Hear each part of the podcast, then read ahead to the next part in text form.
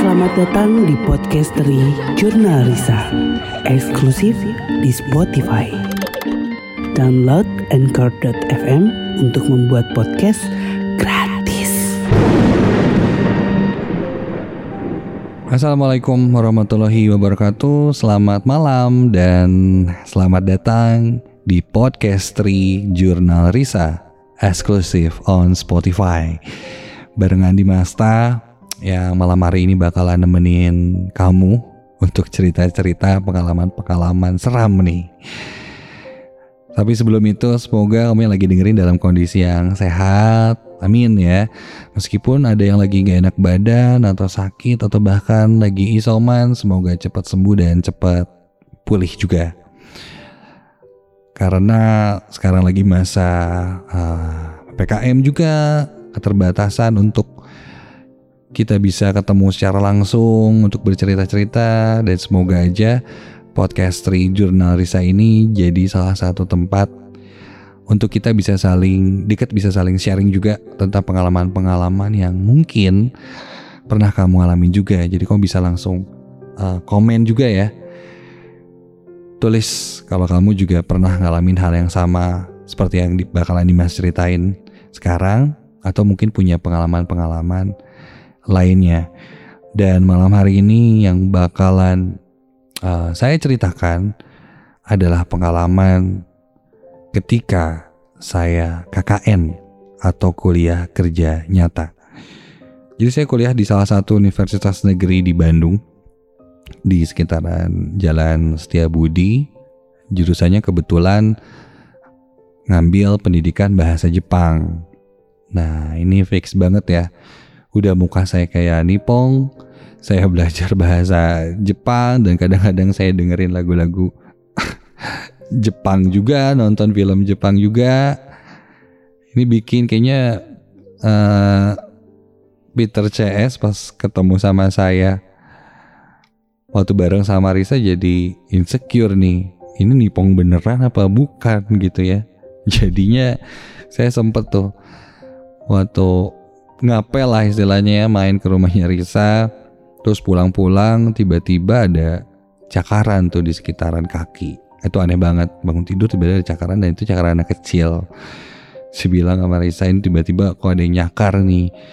Dan Risa bilang oh itu anak-anak katanya yang ya kepo atau penasaran nih ngapain nih ada nipong datang ke rumah tiba-tiba dan mereka ketakutan tapi seiring berjalan waktu, Risa juga bisa jelasin saya siapa dan akhirnya kita uh, menikah dan punya anak king Raga Janari di samping kita. Mungkin sekarang kondisinya udah beda. Peter Chess juga udah bisa ngobrol sama saya. Kalau misalnya uh, ada sesuatu yang mungkin ada pergerakan-pergerakan aneh di rumah. Kayak waktu itu kucing tiba-tiba main sendiri tuh kucingnya sama sama sesuatu yang nggak terlihat. Dia kayak loncat-loncat ngejar-ngejar sesuatu. Waktu itu belum belum ada Ari ya. Ngejar sesuatu. Waduh ini kenapa nih kucing?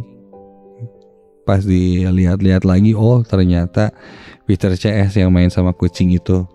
Kalau nggak salah Jensen waktu itu. Ya jadi semua sudah terkendali dan aman ya. Harusnya seperti itu. Baik lagi ke cerita tentang saya lagi KKN. Ini kejadiannya kalau nggak salah tahun 2000 2006 apa 2007 lah.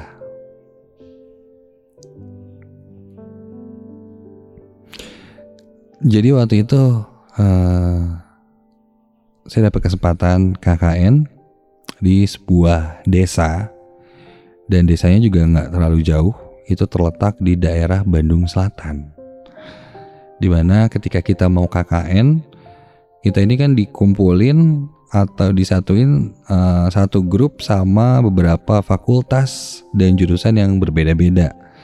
Jadi waktu itu ada saya dari jurusan bahasa, bahasa Jepang, ada yang dari jurusan olahraga, IPA, IPS, gitu macam-macam lah. Kurang lebih ada 9 orang saat itu. Kita kumpul dulu sebelum akhirnya berangkat KKN untuk cari tahu lokasinya seperti apa dan apa yang bakalan kita lakukan. Jadi waktu itu uh, program KKN saya dan uh, kelompok saya itu adalah bikin PAUD buat anak-anak gitu. Atau kayak uh, taman bermain lah. Karena programnya PAUD jadi kita bakal ngajarin anak-anak di sana untuk uh, belajar membaca, mengenal binatang misalnya kayak gitu gitulah. Itu bakal jadi program kerja utamanya di KKN. Selain nanti kita mengajarkan juga hal-hal yang lain untuk pengabdian ke masyarakat nih. Di desa itu kita coba cari tahu seperti apa uh, dan satu hal yang penting banget untuk kita cari adalah tempat tinggal selama nanti KKN yang kurang lebih akan berjalan sebulanan ya kalau nggak salah ya. Nah tempatnya di mana nih kita bakal tinggal? Apakah nebeng ke rumah warga, ikut homestay, atau mungkin kita uh, ngontrak rumah yang ada di sana dan lain-lain. Setelah cari info-info, akhirnya kita mutusin untuk ngontrak rumah karena saat itu ada satu rumah lumayan besar dan rumah itu sebenarnya kosong, tidak dijual dan tidak dikontrakan juga. Tapi berhubung rumahnya kosong, kita coba cari tahu tanya-tanya. Boleh nggak kita tinggal di rumah itu? Karena lumayan lah rumahnya nggak terlalu bobrok lah istilahnya. Jadi masih rapi, bangunannya masih bagus, masih layak tinggal. Dan yang kita perluin ada di situ kamar banyak, ada tempat berjemur, ada uh, air juga bersih gitu kan, kamar mandi Nah, ini kita cari tahu ini rumah punya siapa. Ternyata adalah uh, rumah punya seorang kalau nggak salah dia ini wirausahawan beras gitulah. Jadi uh, punya tempat beras gitu. Tapi dia tidak nggak tinggal di situ. Jadi kita harus datengin lagi ke rumahnya yang lain daerah Soreang kalau nggak salah. Dan datengin kita mau uh, sewa nih rumah di situ boleh apa enggak dia bilang sebenarnya rumahnya nggak disewain nggak dikontrakin atau dijual tapi kalau mau tinggal di situ ya udah nggak apa-apa kita harus bayar berapa dan lain-lain udah diobrolin akhirnya fix lah kita akan tinggal di rumah itu berangkat dari kampus bareng-bareng waktu itu dan akhirnya kita sampai di sana langsung beres-beres rumah. Jadi kita pertama kali datang itu pas hari pertama KKN. Jadi sebelumnya kita nggak pernah masuk ke ruangan itu. Ke rumah itu sama sekali nggak pernah. Kita berbondong-bondong. Hari pertama itu adalah hari pertama kita juga masuk ke rumah itu. Kita masuk ke sana.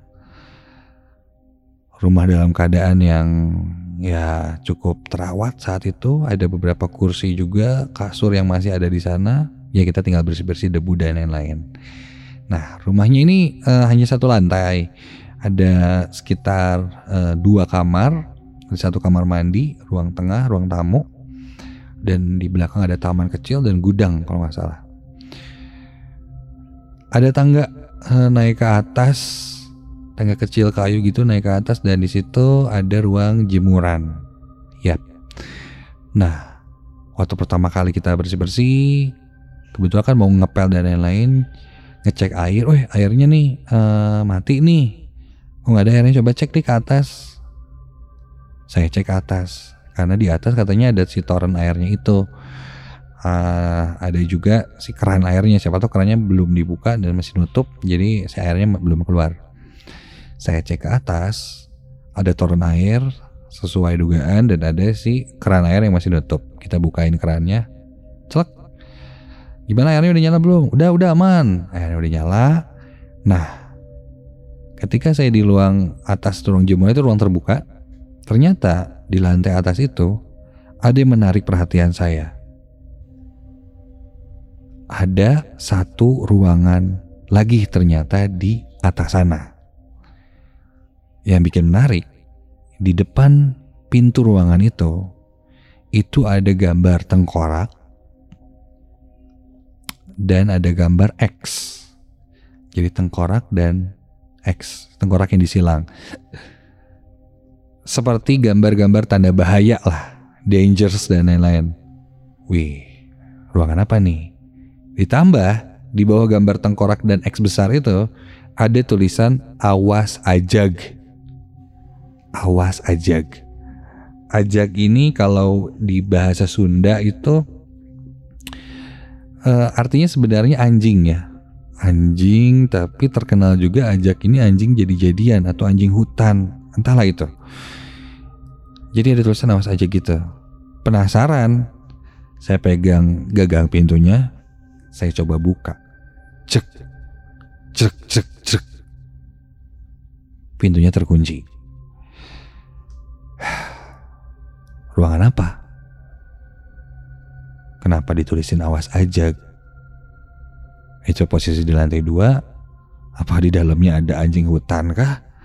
Itu nggak ngerti. Udah. Saya turun lagi ke bawah. Lanjut beres-beres. Singkat cerita malam kita tidur. Nah saat itu saya nggak nggak mau terlalu mensensitifkan diri dengan -hal seperti itu karena uh, banyak cerita-cerita KKN yang pasti ada hubungannya dengan hal-hal mistis. Saya udahlah, biasa aja. Ternyata ada satu teman saya juga yang ikut KKN yang baru saya kenal juga namanya kalau nggak salah Ferry ya.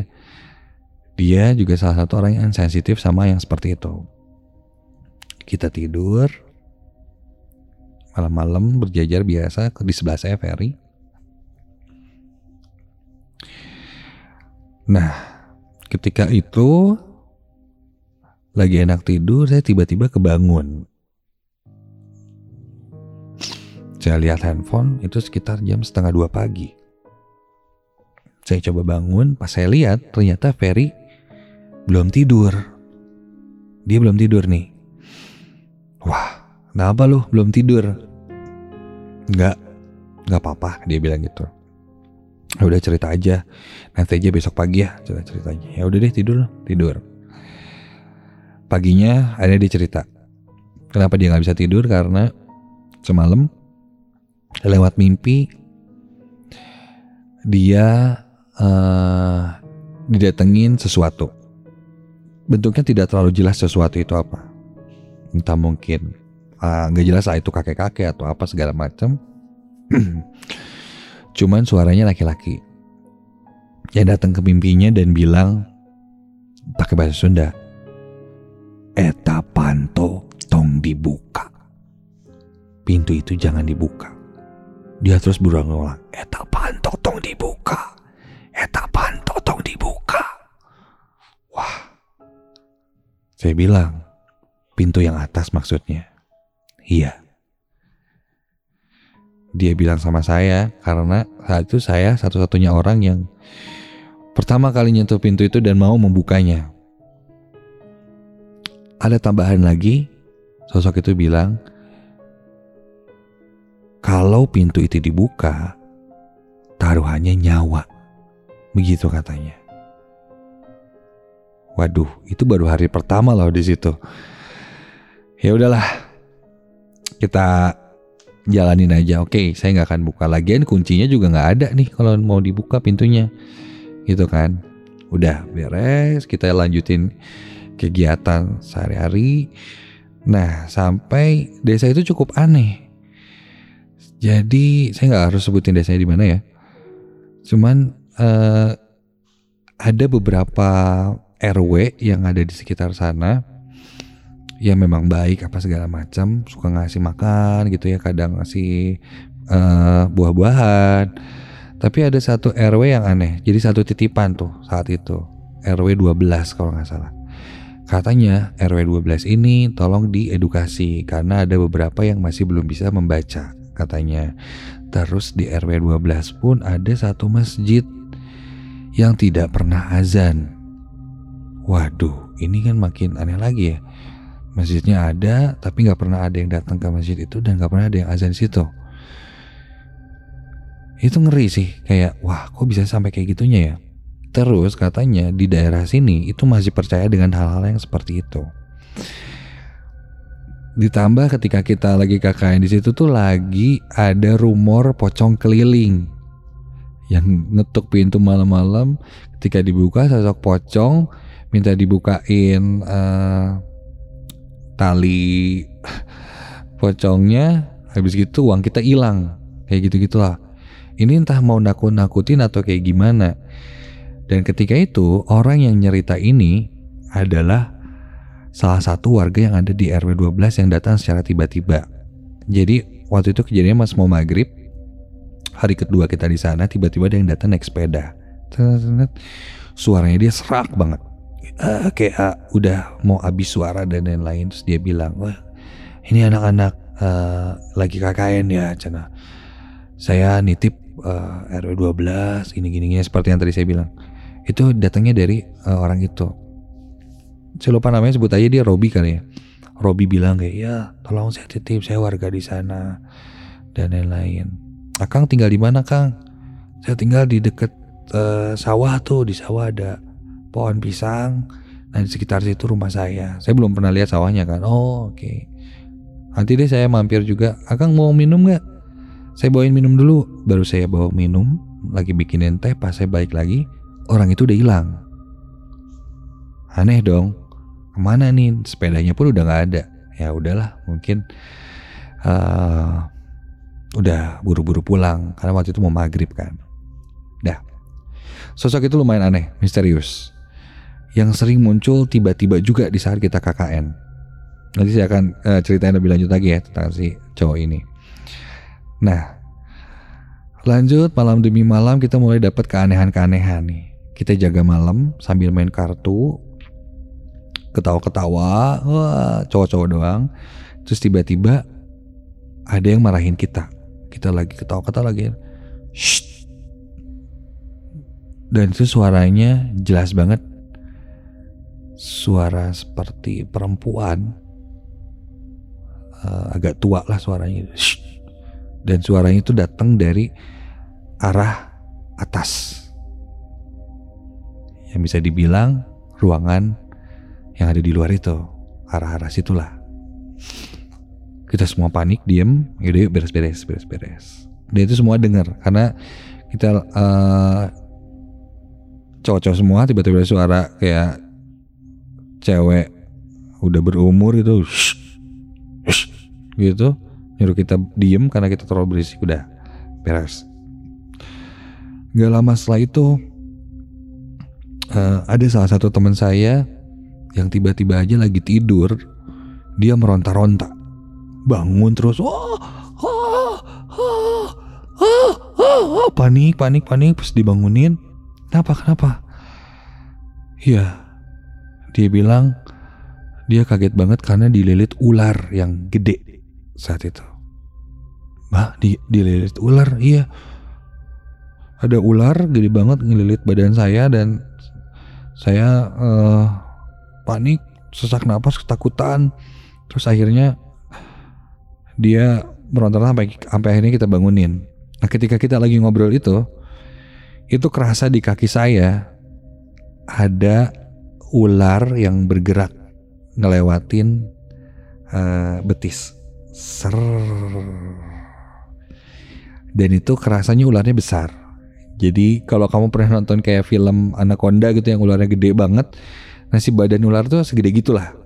Jadi ketika jalan si ularnya di lantai itu kerasanya sampai betis melingkar set dan itu yang ngerasain gak cuma saya sem hampir semua yang ada di situ lagi ngobrol itu ngerasain saya bilang mas saya ada yang jalan ular nih? Iya benar-benar kerasa semuanya. Wah kerasa ular jalan. Oke. Okay. itu satu. Uh, lanjut lagi. Kejadian-kejadian lagi terus ber, berlanjut sampai teman saya Ferry ini yang uh, sensitif juga, dia didatengin lagi satu sosok perempuan namanya uh, sebut aja Ratih lah ya, namanya Ratih dan dia bilang dia suka sama teman saya ini dan ingin ikut. Dan si Ratih ini katanya dia memang tinggal di situ, di rumah itu. Wow, sosoknya perempuan kalau dari tampilannya memang tidak berwujud seperti kuntilanak. Perempuan biasa. dan saya ngeliat itu bahwa di belakang Ferry ada yang ikut. Uh, bahasa Sundanya itu nangkel berarti posisinya tuh si cewek ini digendong sama si Ferry ini. Set. Makanya Ferry nggak enak badan apa segala macam coba deh Fer. Akhirnya dia coba komunikasi dan dia katanya suka. Ferry udah wow udah dah kita beda dunia jangan pergi pergi pergi pergi pergi. Oke. Okay. lanjut lagi kejadian demi kejadian makin uh, terjadi. Saya waktu itu uh, sama teman-teman saya punya kegiatan bikin si paut itu. Rencananya kita mau bikin kayak kebun binatang kecil lah buat uh, warga-warga yang ada di sana buat anak-anaknya buat mengenal kambing kelinci. Terus mungkin kita nanti ada uh, sapi yang kita kumpulin kita bikin patok kita bikin kayak uh, kebun binatang kecil lah buat anak-anak nah waktu itu saya survei adalah satu lokasi lokasinya itu uh, ada di tanah kosong yang cukup luas banget. Ini bekas apa nih kos kosong banget nih? Ya ini asalnya mau dijadiin komplek kalau kata yang jaga di sana. Boleh saya pakai? Boleh, boleh. Akhirnya kita bikin patok-patok. Nah, ketika saya lagi bikin patok-patok ini si Robi warga yang waktu itu datang ke rumah tiba-tiba datang lagi. Lagi apa? katanya dengan suara seraknya. Ini mau bikin patok. Oh, di sini yakin? Dia bilang kayak gitu. Iya yakin. Oke, ya udah. Hati-hati dia bilang kayak gitu. Misterius banget nih orang kan. Habis itu akhirnya saya fokus eh, masang-masang dan lain-lain. Ketika nengok lagi si Robi ini udah hilang, udah nggak ada lagi. Ini orang ke mana? Tiba-tiba datang, tiba-tiba hilang. Karena saya saking penasarannya, akhirnya saya datang ke kantor RT-nya saat itu sambil ngobrol-ngobrol minta izin kan buat kegiatan. Saya bilang oh pak di dari RW 12 ini ada warga namanya Robi nggak? Dia bilang dia tinggal di situ terus si Robi ini uh, ngasih tahu saya datang gitu ngobrol. Terus di kantor RT-nya itu bilang kayak aduh Setahu dia, nggak ada tuh yang namanya Robi tinggal di situ. Dan beberapa orang pun meyakinkan iya nggak ada kang katanya. Dia ngasih tahu kok rumahnya di sekitaran sawah dan lain-lain. Oh coba aja cek, siapa tahu mungkin ada kita tidak ter uh, tidak terdaftar atau gimana takut warga lain kang katanya. Oh iya ya. Tapi kalau di sini tidak ada yang namanya Robi. Baik, okay. saya coba cek ke lokasi. Uh, saya lewatin uh, saya naik motor waktu itu minjem kalau nggak salah minjem motor buat keliling-keliling. Terus saya cari tuh di sekitaran sawah yang dia tunjukin ada sawahnya ada pohon pisangnya tapi nggak ada rumah sama sekali. Semuanya lahan kosong. Pohon pisang, lahan kosong, nggak ada apa-apa di situ. Saya coba jalan lagi ke daerah lahan kosong, lahannya kosong tapi dia curam gitu. Saya jalan, jalan, saya kesandung sesuatu. Dek, waduh. Pas dilihat, ah, kaget. Itu batu nisan. Pas saya perhatiin lagi, satu lahan itu, itu ternyata kuburan. Semua batu nisan berjajar. Banyak banget. Kayak kuburan warga gitu. Astagfirullahalazim. Saya jalan ngeliat ke belakang, ada kuburan. Ngeliat ke kiri ada kuburan. Wah, saya langsung lari kan situ kan.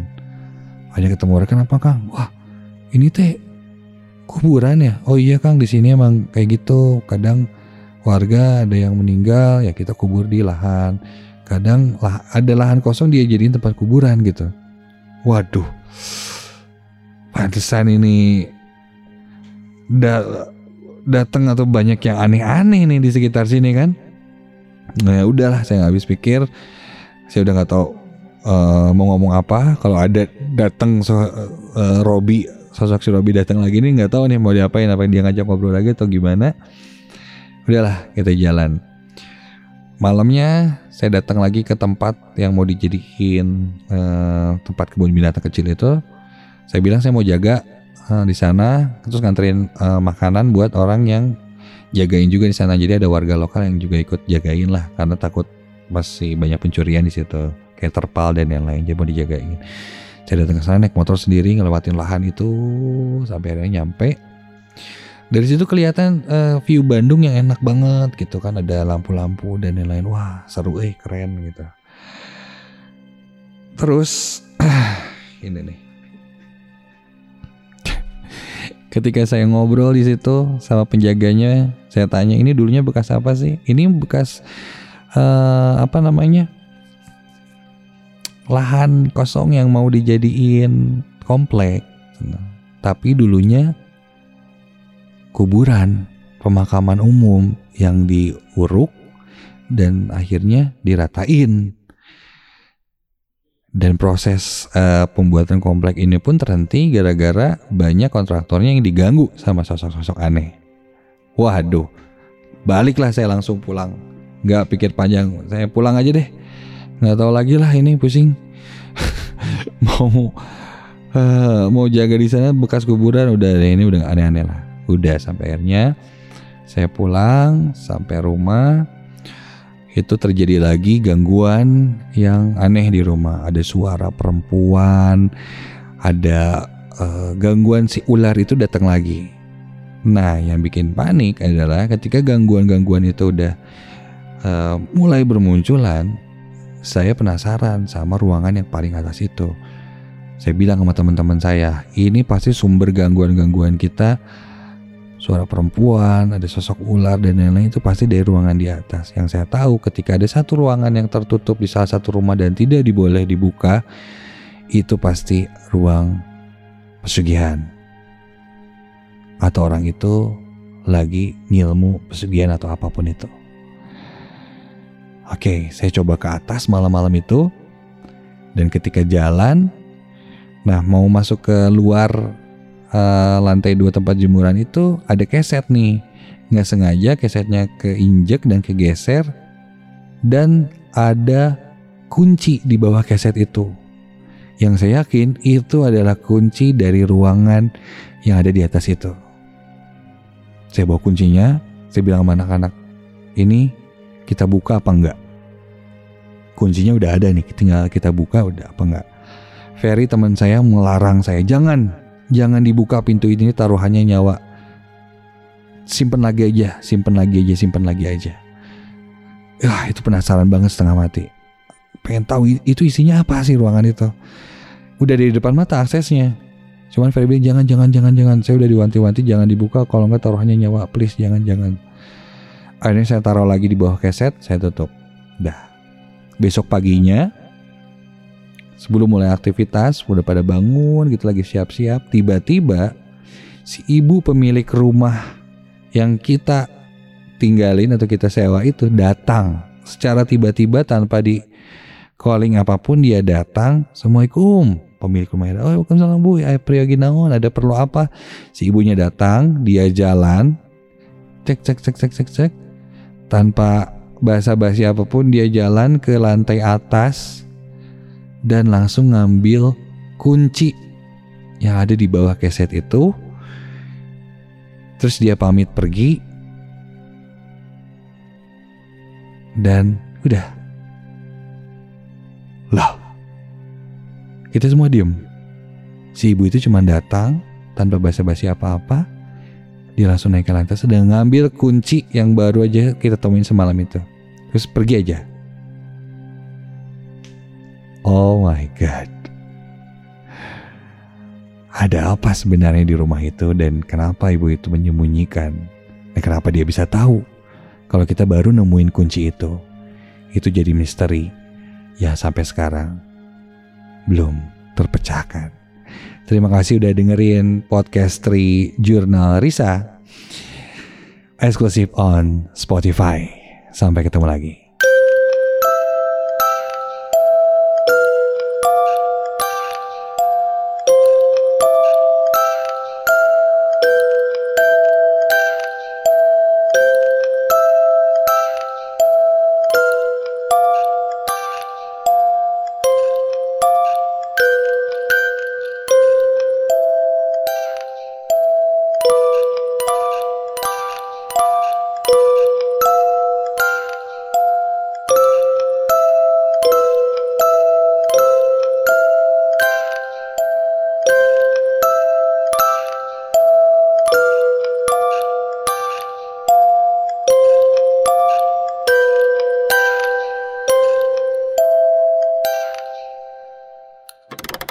Podcasteri Jurnal Risa eksklusif di Spotify. Download Anchor.fm untuk membuat podcast gratis.